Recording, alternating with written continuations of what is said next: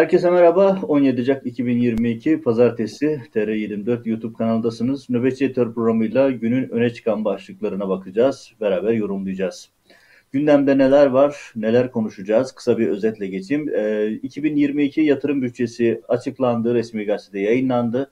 Detaylar enteresan. En büyük para yine istihbarata, güvenliğe, istihbarat faaliyetlerine harcanırken cezaevi inşaatları yine bu yıl en çok para harcanacak başlıklardan bir tanesi. Gelin görün ki İstanbul'un metrosu, metrobüsü, ulaşım altyapısı ile ilgili projeler ki parası belediye tarafından kendileri bulunmasına rağmen finansını belediye kendisi bulmasına rağmen yatırım bütçesine aldırılmadı Erdoğan tarafından. Bunların detaylarına bakacağız. Başka önemli başlıklarımız var. Osman Kavala davasında tahliye yine çıkmadı. Tahliye çıkmadığı için şimdi Türkiye ile ilgili Avrupa Konseyi'nden ihraç kararı ile ilgili sürecin başlaması bekleniyor. Önemli bir gelişme. Erdoğan'ın çok aradığı dış güç bulunabilecek gibi gözüküyor. Çünkü e, zaten ekonomik sıkıntı had safhada şimdi Avrupa'dan gelecek olan bu şekilde adımlarla sorun daha da büyüyecek gözüküyor. Kavala duruşmasının detaylarına da bakacağız. Ve akabinde Covid ile ilgili son gelişmeler. PCR testi bir var bir yok. İş tamamen karma karışık bir hale geldi. Uçakta bulaşmayan virüs metroda otobüste bulaşıyor mu? Bunların tartışmalarına bakacağız. Diğer gündem başlıklarımız da var. Dolu dolu bir e, bültenle karşınızdayım. Alternatif gerçek haberlere ulaşmak için TR24 YouTube kanalında kalmaya devam edin. Evet, ilk gündemimiz 2022 yatırım bütçesi. E, binlerce kalem var. Tabii bunların hepsi başlı başına ayrı ayrı incelenebilir ama benim özellikle dikkatimi çeken iki başlık var. Bunları özellikle size aktarmak istiyorum. Bir tanesi şu. Yatırım bütçesindeki aslan payını yine istihbarat ve güvenlikle alakalı konular almış en büyük yatırım payı MIT'e veriliyor. Yani bir ülkenin en büyük yatırım payının demokratik gelişmiş ülkelerde eğitim ve sağlığa olması beklenir. Ama Erdoğan rejiminde, otoriter diktatörlüklerde en büyük yatırım MIT'e, istihbarata yatırılıyor. Çünkü baskıcı rejimlerin ayakta kalması buna bağlı. Bakıyoruz detaylara neler var? Terörle mücadele kapsamı, istihbarat yapılarının genişletilmesi vesaire konularında en büyük yatırım payı dediğim gibi MİT'e harcanmış, MİT'e veriliyor. Arkasından emniyet istihbaratı geliyor. Emniyet istihbaratı da aynı şekilde çok yüksek bir rakamla tahsis edilmiş. Ee, diğer birimler arkasından sırasıyla gidiyorlar. İlginç noktalardan bir tanesi, rakama boğmamak için uzun uzun size kime ne kadar para harcanacağını getirmiyorum ama e, oransal olarak söyleyebiliriz. E, en büyük pay yine dediğim gibi istihbarata özellikle de MİT'e harcanıyor. Önemli bir kalem var. Önemli bir kalem de en büyük kalem. Adalet Bakanlığı'nın yatırım bütçesi. Şimdi Adalet Bakanlığı yatırım bütçesinin içerisinde ne var diye baktığınızda birinci sırada yine cezaevi inşaatları gözüküyor. 36 cezaevi inşaatı için 2022 yatırım bütçesinden 1 milyar 988 milyon 64 bin lira harcı yani 2 milyar TL 2022 yatırım projesi içerisinde cezaevi inşaatları için ayrılmış durumda. Biliyorsunuz Erdoğan rejimi tüm Türkiye Cumhuriyeti tarihi kadar yapılan cezaevlerinin hepsini son 5 yıl içerisinde yaptı. Ve önümüzdeki yılda açılacak olan yeni cezaevlerle birlikte yaklaşık 180 yeni cezaevi yapılmış oluyor. Rakam inanılmaz ve yeni cezaevleri kim için yapılıyor sorusu en temel sorulardan bir tanesi. Düşünün eğitim için para bulamayan, hastaneye, okula, asgari ücretli para bulamayan insanlar için e, Erdoğan rejimi cezaevlerine para buluyor. Hatta bunu o kadar pervasızca anlatıyorlar ki bu konu yatırım görüşme, şey, bütçe görüşmelerinde mecliste gündeme geldiğinde AKP'li bir milletvekili ki adını hiç bugüne kadar duymamıştım. Öyle bir milletvekilini hatırlamıyordum da. Demek ki hiç öne çıkan bir isim değil. Meclis kürsüsünde çıktı dedi ki paramız var, bütçemiz var, yaptırıyoruz size ne şeklinde bir savunma yapmıştı. Yani bütçeyi, cezaevleri için harcanan bütçeler irade olarak hani ihtiyaçtan kaynaklanan bir şey değil. Bu bir rejim politikası ve 2022 yatırım bütçesi içerisinde de aslan payını hem MİT hem de Adalet Bakanlığı alıyor. Temel amaç yani MİT'le istihbarat yapıp fişleyip Adalet Bakanlığı savcılar üzerinden, saray üzerinden tutuklayıp cezaevlerine koymak. Erdoğan rejiminin 2022'de öne çıkan temel motivasyonu bu. Tabi burada bir şey daha dikkat çekici o da şu. Şimdi cezaevlerine, Milli İstihbarat Teşkilatı'na, Emniyet İstihbaratı'na bol kepçe para dağıtan rejim başka yerlerde engelleme yapmaya devam ediyor. Bunlardan bir tanesi de en belirgin olan İstanbul'un metro altyapı projeleri Özellikle de metrobüs gibi ulaşım projeleri. Finansmanı bulunan, bakın finansmanı da bulunmuş olan 300 metrobüs alımına 2022 yatırım planına Erdoğan almadı. Yani belediye ve şimdi şöyle düşünün. İstanbul Büyükşehir Belediyesi'ni zaten kaybetmiş olmak Erdoğan için büyük bir travma. Çünkü rejimin en büyük sermayesi İstanbul'un rantıydı. İstanbul'un imkanları, İstanbul'un halkına, İstanbul'a gelen giden insana değil, saraya ve sarayın etrafındaki o beşli çeteye aktarılıyordu. Ve onların uzantısı olan başka çeteler var. İşte medya, Erdoğan rejiminin en büyük finans e, ayağı, medyayı finanslama konusunda özellikle Yeni Şafak grubu başta olmak üzere yandaş medyanın akşam grubu işte sancaklar olmak üzere buraların e, finanse edilmesi İstanbul Büyükşehir Belediyesi'nden yapılıyordu. Orada kaybedilince orada ciddi sorun başladı. Şimdi başka sorunlar da var. İstanbul'un rantını kaybetmiş olmak Erdoğan için büyük bir kriz. Erdoğan başından bu yana yani önce seçimi iptal ettirdi, yeni seçim yapınca fark açıldı vesaire arkasından e, sürekli İstanbul Belediyesi'nin, Ankara Büyükşehir Belediyesi'nin imkanlarını kısıyor. Önemli noktaları ellerinden alıyor ve bütçe imkanlarıyla sürekli sorun çıkarıyor. İşte bunlardan bir tanesi 2022 yatırım planında var. Finansı bulunan 300 metrobüs alımını engelliyor. Ayrıca İncirli, Sefaköy, Beylikdüzü metrosu da Ulaştırma Bakanlığı'nın onayına takılıyor. Orasında da yapılmıyor. Yani düşünün İstanbul Türkiye'nin en önemli şehri, dünyaya açılan yüzü ve trafik kabus ve bu trafiği rahatlatacak yöntemler için belediyenin kendisi bulduğu finansı bile kullanmasına izin verilmeyen bir yapı var. Yatırım projelerine engel koyan bir rejim var. Ki iki yıldır onay alınamıyor bunlara. Geçen yılki 2021 yatırımında da buralara onay çıkmamıştı. Yani buradan şunu net olarak görüyoruz. Erdoğan sandıkta kaybettiği İstanbul'u, sandıkta kaybettiği Ankara'yı merkezi iradenin yetkilerini kullanarak işlemez hale getirmeye çalışıyor. Sabote edip işte bunlar burayı yönetemediler diyebilmek için bu şekilde e, yetki istismarlarına başvuruyor. İşte bu da onların en önemli örneklerinden birisi oldu. Bu konuya tepki gösteren CHP'liler e, bugün e, mikrofonlara konuştu, sosyal medya paylaşımları yaptı. Faik Öztürk'ün bir açıklaması var. Proje hazır, finansman hazır, her şey hazır ama Erdoğan şahsının hükümeti bakanları imza atmıyor. Projeler yatırım e, programlarına alınmıyor. Bunun sebebi belli diyor. İstanbul'u kaybetmiş olmanın verdiği travma ve diyor ki bir saray ne yaparsa yapsın belediyelerimiz bütün engelleri aşacaktır diyor.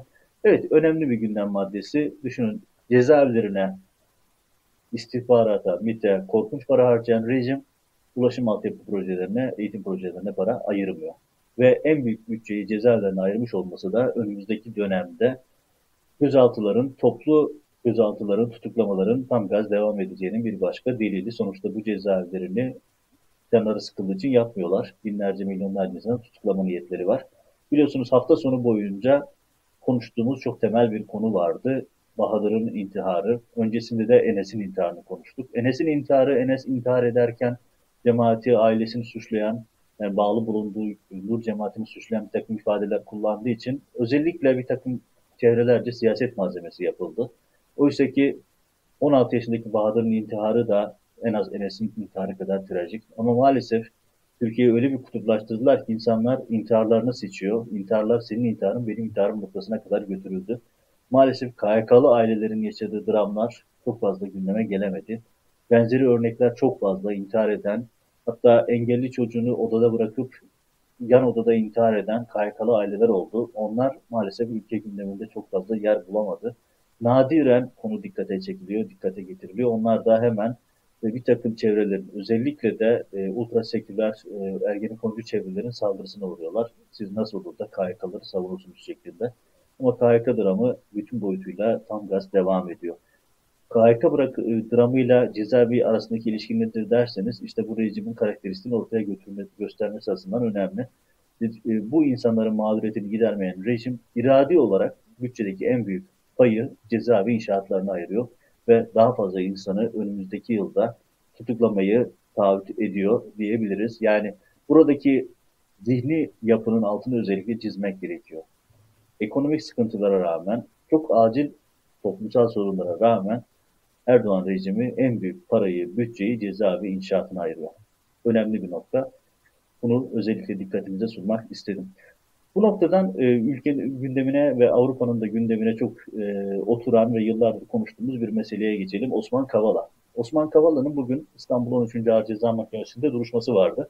Bu duruşmada Kavala'nın tahliye edilmesi ihtimali bekleniyordu. Neden? Çünkü Avrupa Konseyi'nin aldığı bir e, karar var. Yani hatta Türkiye'ye son şans diye verilen bir e, fırsat vardı. Kavala bu duruşmada tahliye edilmezse Türkiye ile ilgili ihraç prosedürü başlatılacaktı.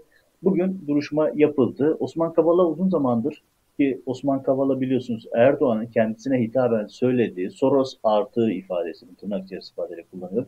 Soros artı ifadesinden sonra duruşmalara katılmamaya başlamıştı. Ve bugün de aynı şekilde duruşmalara fiilen katılmadı. Ve duruşmalarda, e, duruşmanın sonunda yine beklendiği şekilde, yani beklendiği şekilde derken rejimin karakterisini göstermesi açısından söylüyorum. Avrupa tarafından beklenen tahliye edilmesiydi ama e, tutukluluk halinin devamına karar verildi. Şimdi gözler tabii Avrupa Birliği'ne çevrilmiş durumda. Çünkü Avrupa Birliği daha önce bir açıklama yapmış ve demişti ki e, Avrupa Konseyi pardon e, yaptığı açıklamada eğer tahliye edilmezse 2 Şubat'ta Türkiye ile ilgili yasal prosedür başlatılacak, ihraç sürecinin önü açılacak denmişti ve e, o süreç 2 Şubat'ta başlayacak. Ne alabilir? Bu süreç e, karmaşık bir süreç. Ahim'den görüş istenecek, oradan karar gelecek, sonuçta toplantı yapılacak ve bir karar verilecek ve bu karar hemen verilir mi? Zamana alacak bir konu ama burada temel nokta şu, Avrupa'nın hala Erdoğan rejimini anlamamış olması. Çünkü Erdoğan rejiminin yani sarayın e, yargısının hukukla ilgisi olmadığını tamamen saraya göre hareket ettiğini gösteren çok önemli kararlardan, e, davalardan bir tanesi Osman Kavala davası. Bu Kavala davasında hukuk yok, sadece rejimin intikamı var. Rejim Osman Kavala'yı bir düşman olarak belirleyip onu e, özellikle sembolleştirip onun üzerinden bir dış güç, e, bir dış güçler, her şeyi bağladıkları bir dış güçlere e, evirmeye çalışıyor. İşte şimdi ekonomik kriz zaten e, çok derin Böyle bir ortamda Erdoğan aradığı dış gücü bulabilmek için Osman Kavala üzerinden bir operasyon çekmeye çalışıyor. Çünkü Avrupa Konseyi'nin yarın bir gün Türkiye ile ilgili ihraç süreçleri, işte cezalandırma süreçleri başladığında ve akabinde Amerika'da ilerleyen bölümlerde bülten geleceğim. Amerika'da faiz artımı bekleniyor. Çünkü Amerika'da da enflasyon yükselişte. Böyle bir tablo içerisinde ekonominin daha da bozulmuş olmasını Erdoğan fatura edebileceği bir yer arıyor. İşte Osman Kavala üzerinden bu noktanın da istismarı tam gaz devam ediyor. Osman Kavala siyasi bir rehinedir ve Erdoğan tarafından keyfi olarak tıpkı Selahattin Demirtaş gibi cezaevinde tutulmaya devam ediyor. Bakalım Avrupa'dan nasıl bir tepki gelecek? Avrupa e, Türkiye'nin stratejik önemiyle ilgili tartışmaları bir kenara bırakıp bu konuda adım atacak mı atmayacak mı? Bu konudaki gelişmeleri de izleyip size aktarmaya çalışacağız. Buradan tekrar Türkiye gündeminde en temel konulardan birisi olan Covid meselesine gelelim. Covid meselesinde Türkiye artık e, hani Anadolu'da çok kullanılan bir tabirle saldım çayıra moduna geçmiş vaziyette. Çünkü rakamlar inanılmaz yükseliyor. Türkiye kıpkırmızı olmuş durumda. Ve böyle bir ortamda Türkiye'de ilginç bir karar alındı. E, CPR testi uygulamasına son verildi birçok noktada aşısız kişiler için. Bu karar bir gün önce alındı. Ertesi gün karar yeniden revize edildi. Uçaklardaki PCR testi zorunluluğu kaldırılmıştı. Tabipler Birliği'nin tepki göstermesinden sonra geri geldi. Şimdi uçaklarda PCR var ama metroda, otobüste, trende yok. E, nerede var, nerede yok tartışması hayli tartışmalı, hayli belir, e, kriz. Açıkçası kim ne yaptığını çok bilmiyor. Başlıkta da dediğim gibi saldım çayra mevlam kayra noktasına geçmiş durumda. E, hani olur da ölmezseniz e, bir şekilde Erdoğan rejiminin cezaevleriyle tanışabilirsiniz. Başka sorunlarla tanışabilirsiniz. Ölürseniz de zaten yapacak bir şey yok. Zayiat olarak kayıtlara geçiyorsunuz. E, çünkü şu andaki sistem tam olarak böyle. E, ne olduğu konusunda açıkçası kimsenin fikri yok. PCR testlerinin bittiği söyleniyor. Ellerde PCR testi yapma kapasitesinin kalmadığı söyleniyor. Bir gün sonra bu karar değiştiriliyor. İç hatlar dış hatlar değişiyor ve böylelikle iş tamamen e, karma karışık bir hale gelmiş vaziyette. En son Tabipler Birliği bugün tekrar bir açıklama yaptı ve e, yapılan politikaların kamu sağlığını tehdit ettiği uyarısı var.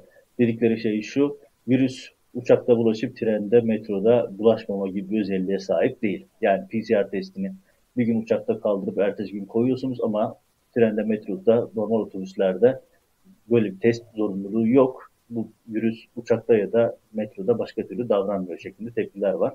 Yani tam anlamıyla yönetilemeyen bir süreç, Covid ile ilgili süreç başından bu yana zaten bütün o e, oluşturulmaya çalışılan algı operasyonlarına rağmen Türkiye Covid sürecini yönetemiyor.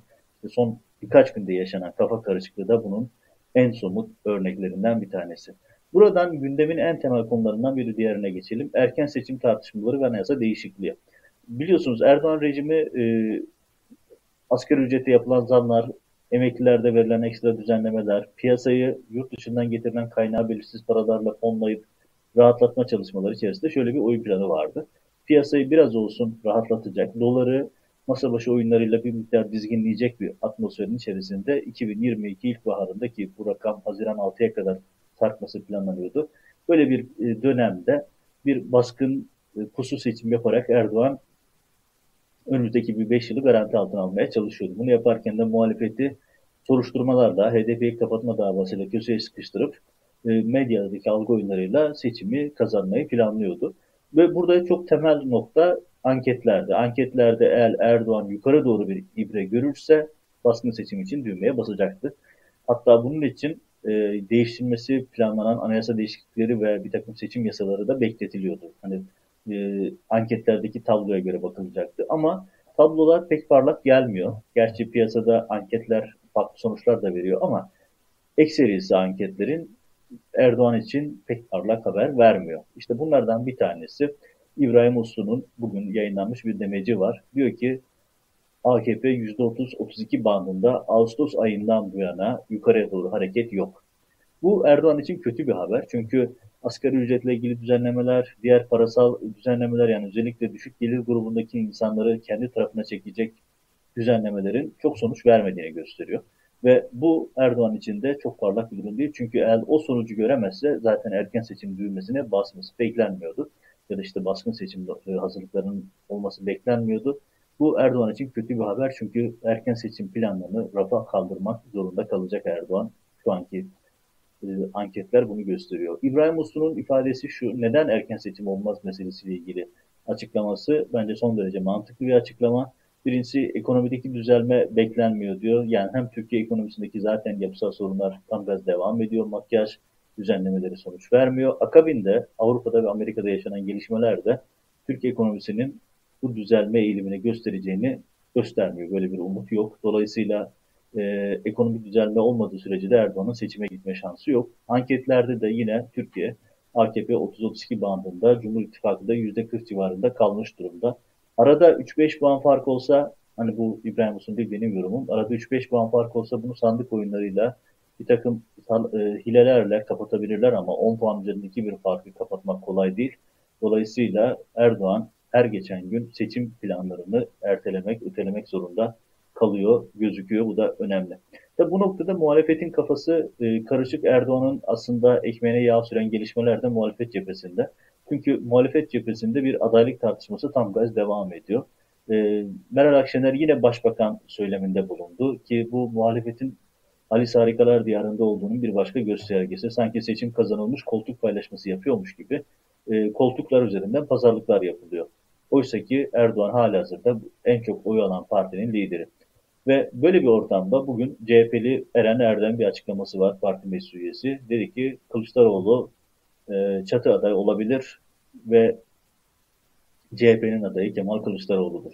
Tabii ki bu parti adına resmi bir açıklama değil ama bu tip açıklamalar yani siyaset okuması bilenler için bir anlam var. Bunlar nabız yoklama açıklamaları, bunlar siyasi hamleler. Ve şimdi Kılıçdaroğlu'nun adaylığı konusunda CHP'nin e, içeride ikiye bölünmüş vaziyette. Bir kısmı CHP lideri Kemal Kılıçdaroğlu'nun aday olmasını tavsiye ediyor ve bu konuda ciddi lobi yapıyor. Bir kısım da Ekrem İmamoğlu'nun adaylığı konusunda yoğun çaba sarf ediyor ve böylelikle CHP içerisinde bölünme Ekremciler ve Kemalciler olarak gerçekleşmiş durumda. E, küçük sol partiler ayrı bir oluşum içerisinde. Onlar da bugün ve yarın bir başka toplantı yapacaklar. İyi Parti, MHP, e, İyi Parti, CHP arasındaki görüşmelerde e, açıkçası tıkanmış gözüküyor. Bu da e, Erdoğan için aslında arayıp da bulamadığı bir fırsatında doğmasını beraberinde getirmiş oldu. Bu önemli bir noktaydı. Şimdi tekrar seçimle ilgili gelişmeleri değerlendirirsek Erdoğan'ın önümüzdeki seçimi hangi tarihte olacağı çok net olmasa da din savaşları üzerinden e, ve toplumsal bölünme üzerinden götüreceği net. Bu konuda çünkü elinde başka bir argüman yok. E, ekonomik ya da dış politikada başarılı olduğu hiçbir konu yok. Böyle bir ortamda yapabileceği tek şey din savaşları üzerinden ayrımcılıkla, polarize etmeyle götürmeye çalışacak. İşte tam bu noktada e, hani Erdoğan rejiminin karakterisini bildiğim için bunlar spontane kendiliğinden gelişen olaylar değil. Tam da Ankara Melike Altın Camii'nde İmam Halil Konakçı e, bir medyaya yansıyan ifadesi var. Daha doğrusu konuşması var. Vaaz gibi bir e,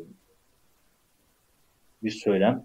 E, diyor ki İslam adına biz halifeliğin geri getirilmesini istiyoruz. Bu söylem sıradan bir söylem değil. Bugün sosyal medya fazlasıyla yansımış durumda ve e, bu söylemi AKP rejiminde söyleyecek, dile getirecek başkaları da olacak.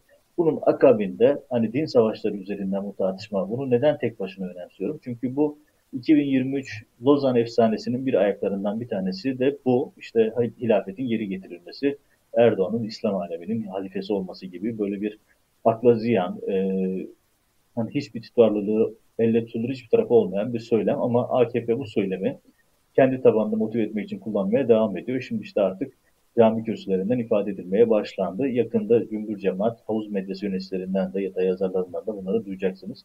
Çünkü önümüzdeki dönemin en geçerli argümanı Erdoğan için din savaşları, din üzerinden seçime götürmek. İşte bu noktada ilginç bir haber daha var. Ancak Türkiye'de ol, olur denen bir şey. Sezen Aksu'nun ki hepimizin bildiği, yıllar boyunca şarkılarını dinlediğimiz, özellikle de belli bir yaşın üzerindeki herkesin minik serçe olarak bildiği efsane bir isim Sezen Aksu. Ve Sezen Aksu'nun onlarca yüzlerce şarkısından bir tanesi e, üzerinden bugün Ankara'da bir grup avukat ve e, vatandaş suç duyurusunda bulunuyor. Şahane bir şey yapmak isimli şarkısında bir bölüm varmış Sezen Aksu'nun. Binmişiz bir alamete, kıyamete gidiyoruz kıyamete, selam söyleyin o cahil Havva ile Adem'e sözünden hareketle bunun bir dini değerlere hakaret, Hazreti Adem'e, Hazreti Havva'ya hakaret olduğu iddiasıyla bir soruşturma, e, suç duyurusunda bulunuldu ve hemen akabinde de e, Diyanet İşleri Başkanı'ndan bir açıklama geldi. Diyanet de Sezen Aksu'ya tepki gösteriyor. Tabii yani seçim dönemine girme, girdiğimiz için bu tip hareketleri bekliyoruz ama insan doğal olarak biraz şunu bekliyor, biraz mantıklı olunmasını. Çünkü bu şarkı yeni değil. Neredeyse 5 yıl önce yayınlanmış bir şarkı. 5 yıl önce çıkmış bir şarkı. Ve 5 yıl boyunca bunu dinleyip hiçbir şey anormallik görmeyip tam da Türkiye seçim atmosferine giderken böyle bir hamle yapmak aslında kimin neyin peşinde olduğunu göstermesi açısından son derece açık bir karine. Ama böyle hani Zaytun haberleri ancak Türkiye'de oluyor. İşte e, yıllar önce yayınlanmış bir parçadan Hazreti Adem'e, Hazreti Havva'ya hakaret çıkartmaya çalışmak ve onun üzerinden Diyanet İşleri Başkanı'nın açıklama yapması da gerçekten e, tam bir mizahi tablo. Ama seçime giderken onun örneklerini çok göreceğiz. Bunu da hatırlatmış olalım. E, hani Diyanet İşleri Başkanlığı'nın bir taraftan da şunu e, bültenin açılışında ifade etmiştim. E, en büyük bütçeyi alan kurumlardan bir tanesi Diyanet. E, bu da işte bu tip açıklamalarla aldıkları paranın hakkını veriyorlar diyebiliriz. Bu noktada e, bugünün en mizahi haberlerinden birisi. Hep böyle can sıkıcı haberler veriyoruz ama e, ara sıra iktidar cenahından e, tebessüm ettirici haberler de var. Bunlardan bir tanesi TÜGVA'nın tanıtım müziğinin grup yorumdan çalıntı çıkması. Şimdi TÜGVA biliyorsunuz Erdoğan'ın e, başında olduğunu başında olduğu ve Erdoğan'ın tek cemaat, tek devlet, tek tarikat gibi bir saplantısı var ve bütün cemaatleri TÜGVA, TÜRGEV altında birleştirmek gibi bir hedef var. Kendisini oradan halife yapmak gibi bir saplantıya sahip. İşte TÜGVA yani Türkiye Gençlik Vakfı biliyorsunuz e, Metin Cihan'ın paylaştığı bilgilerle, belgelerle de Türkiye'de devletin aslında sahibi olduğu, paralel değil bizzat devletin kendisi olduğu ve TÜGVA'dan yolunu geçmeyen hiç kimsenin hiçbir şekilde atanamadığını gösteren belgeler zaten malum. İşte o TÜGVA'nın e, bir marşı var e, ve ilginçtir. E, bu marşı, e, TÜGVA'lıyız biz marşı, e, grup yoruma ait özgürlük türküsü, özgürlük tutkusu türküsünden çalıntı. Hani her şeyi çalıyorlar, e, bunu da çalmışlar. Hani o kadar alıştılar ki çalmaya. İşte artık sınır tanımıyorlar. Düşünün TÜGVA'lılar grup yorumun özgürlük tutkusu türküsünden çalıntı yapıyorlar. Ama yetmiyor. Özgürlük tutkusu şey grup yorum üyelerini tutuklayıp onları mağdur etmeye devam ediyorlar. Rejimin karakteristiğini göstermesi aslında son derece enteresan, biraz da matrak bir durum. E, TÜGVA'nın marşının grup yorumundan çalıntı çıkması. Evet, bu noktada tekrar e, cezaevleri ve insan hakları ihlalleriyle ilgili bir başka noktayı da dikkatinize çekmek istiyorum. O da şu. E, Anadolu'nun birçok yerinde gazeteci meslektaşlarımız tutuklu ve maalesef bunlar Türkiye gündemine girmiyor. Çok tanınan popüler isimler olmadıkları için ve özellikle de çok büyük bir kısmı Gülen cemaati ya da işte Kürt medyasında çalıştığı için Gülen medyasında ya da yani Gülen medyası diyemeyiz ama böyle suçlama olduğu için ifade edeyim kısaltma olarak e, Kürt medyasında çalıştığı için e, suçlanan ve destekçilerinde çok az olduğu insanlar. İşte e, yıllar boyunca Anadolu'da özellikle Taşra'da gazetecilik yapmak çok zordur. Zor şartlarda gazetecilik yapıp gazetecilik mesleğini icra eden çok sayıda meslektaşımız, işte Adana'da Aytekin Gezici, İzmir'de Vahit Yazgan gibi örnekler var ve popüler isimler olmadıkları için kamuoyunda lobileri de çok az bu isimlerin. Birçok meslektaşı onların cezaevinde olduğunu bile haberini yapmıyor ya da haberdar değilmiş gibi davranıyor. İşte onlardan bir tanesi e, Recai Morkuç, Zaman Gazetesi editörlerinden birisi. Kendisi 16 ay hapis yatmış daha önce ve tek suçlama Zaman Gazetesi'nde çalışmış olmak. Ve e, 16 ay hapis yattıktan sonra tutuklu yargılanıyor ve Yargıtay 6 yıl 3 yıl yani en temel ceza olan işte cemaat üyeliğindeki temel ceza olan işte başlangıç cezası 6.3 yıl verip e, hakkındaki kararı onaylamış ve e, Recai Morkoç 3 gün önce Edirne'de tutuklanmış. Tutuklanmış diyorum çünkü sadece bu haber birkaç sosyal medya paylaşımında yer alabildi. E, gazetecilik örgütlerinde, ana akım medyada yer alamadı ve böylece cezaevindeki onlarca ki bugün itibariyle 59 meslektaşımız hala cezaevinde. Onlarca gazeteciye bir yenisi daha eklenmiş oldu.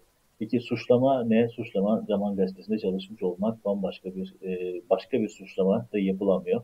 Ve bunu bir terör örgütü üyeliği için Yargıtay onaylamış oldu. Terör yeterli gördü. Bu da rejimin yüz karası kararlarından bir tanesi.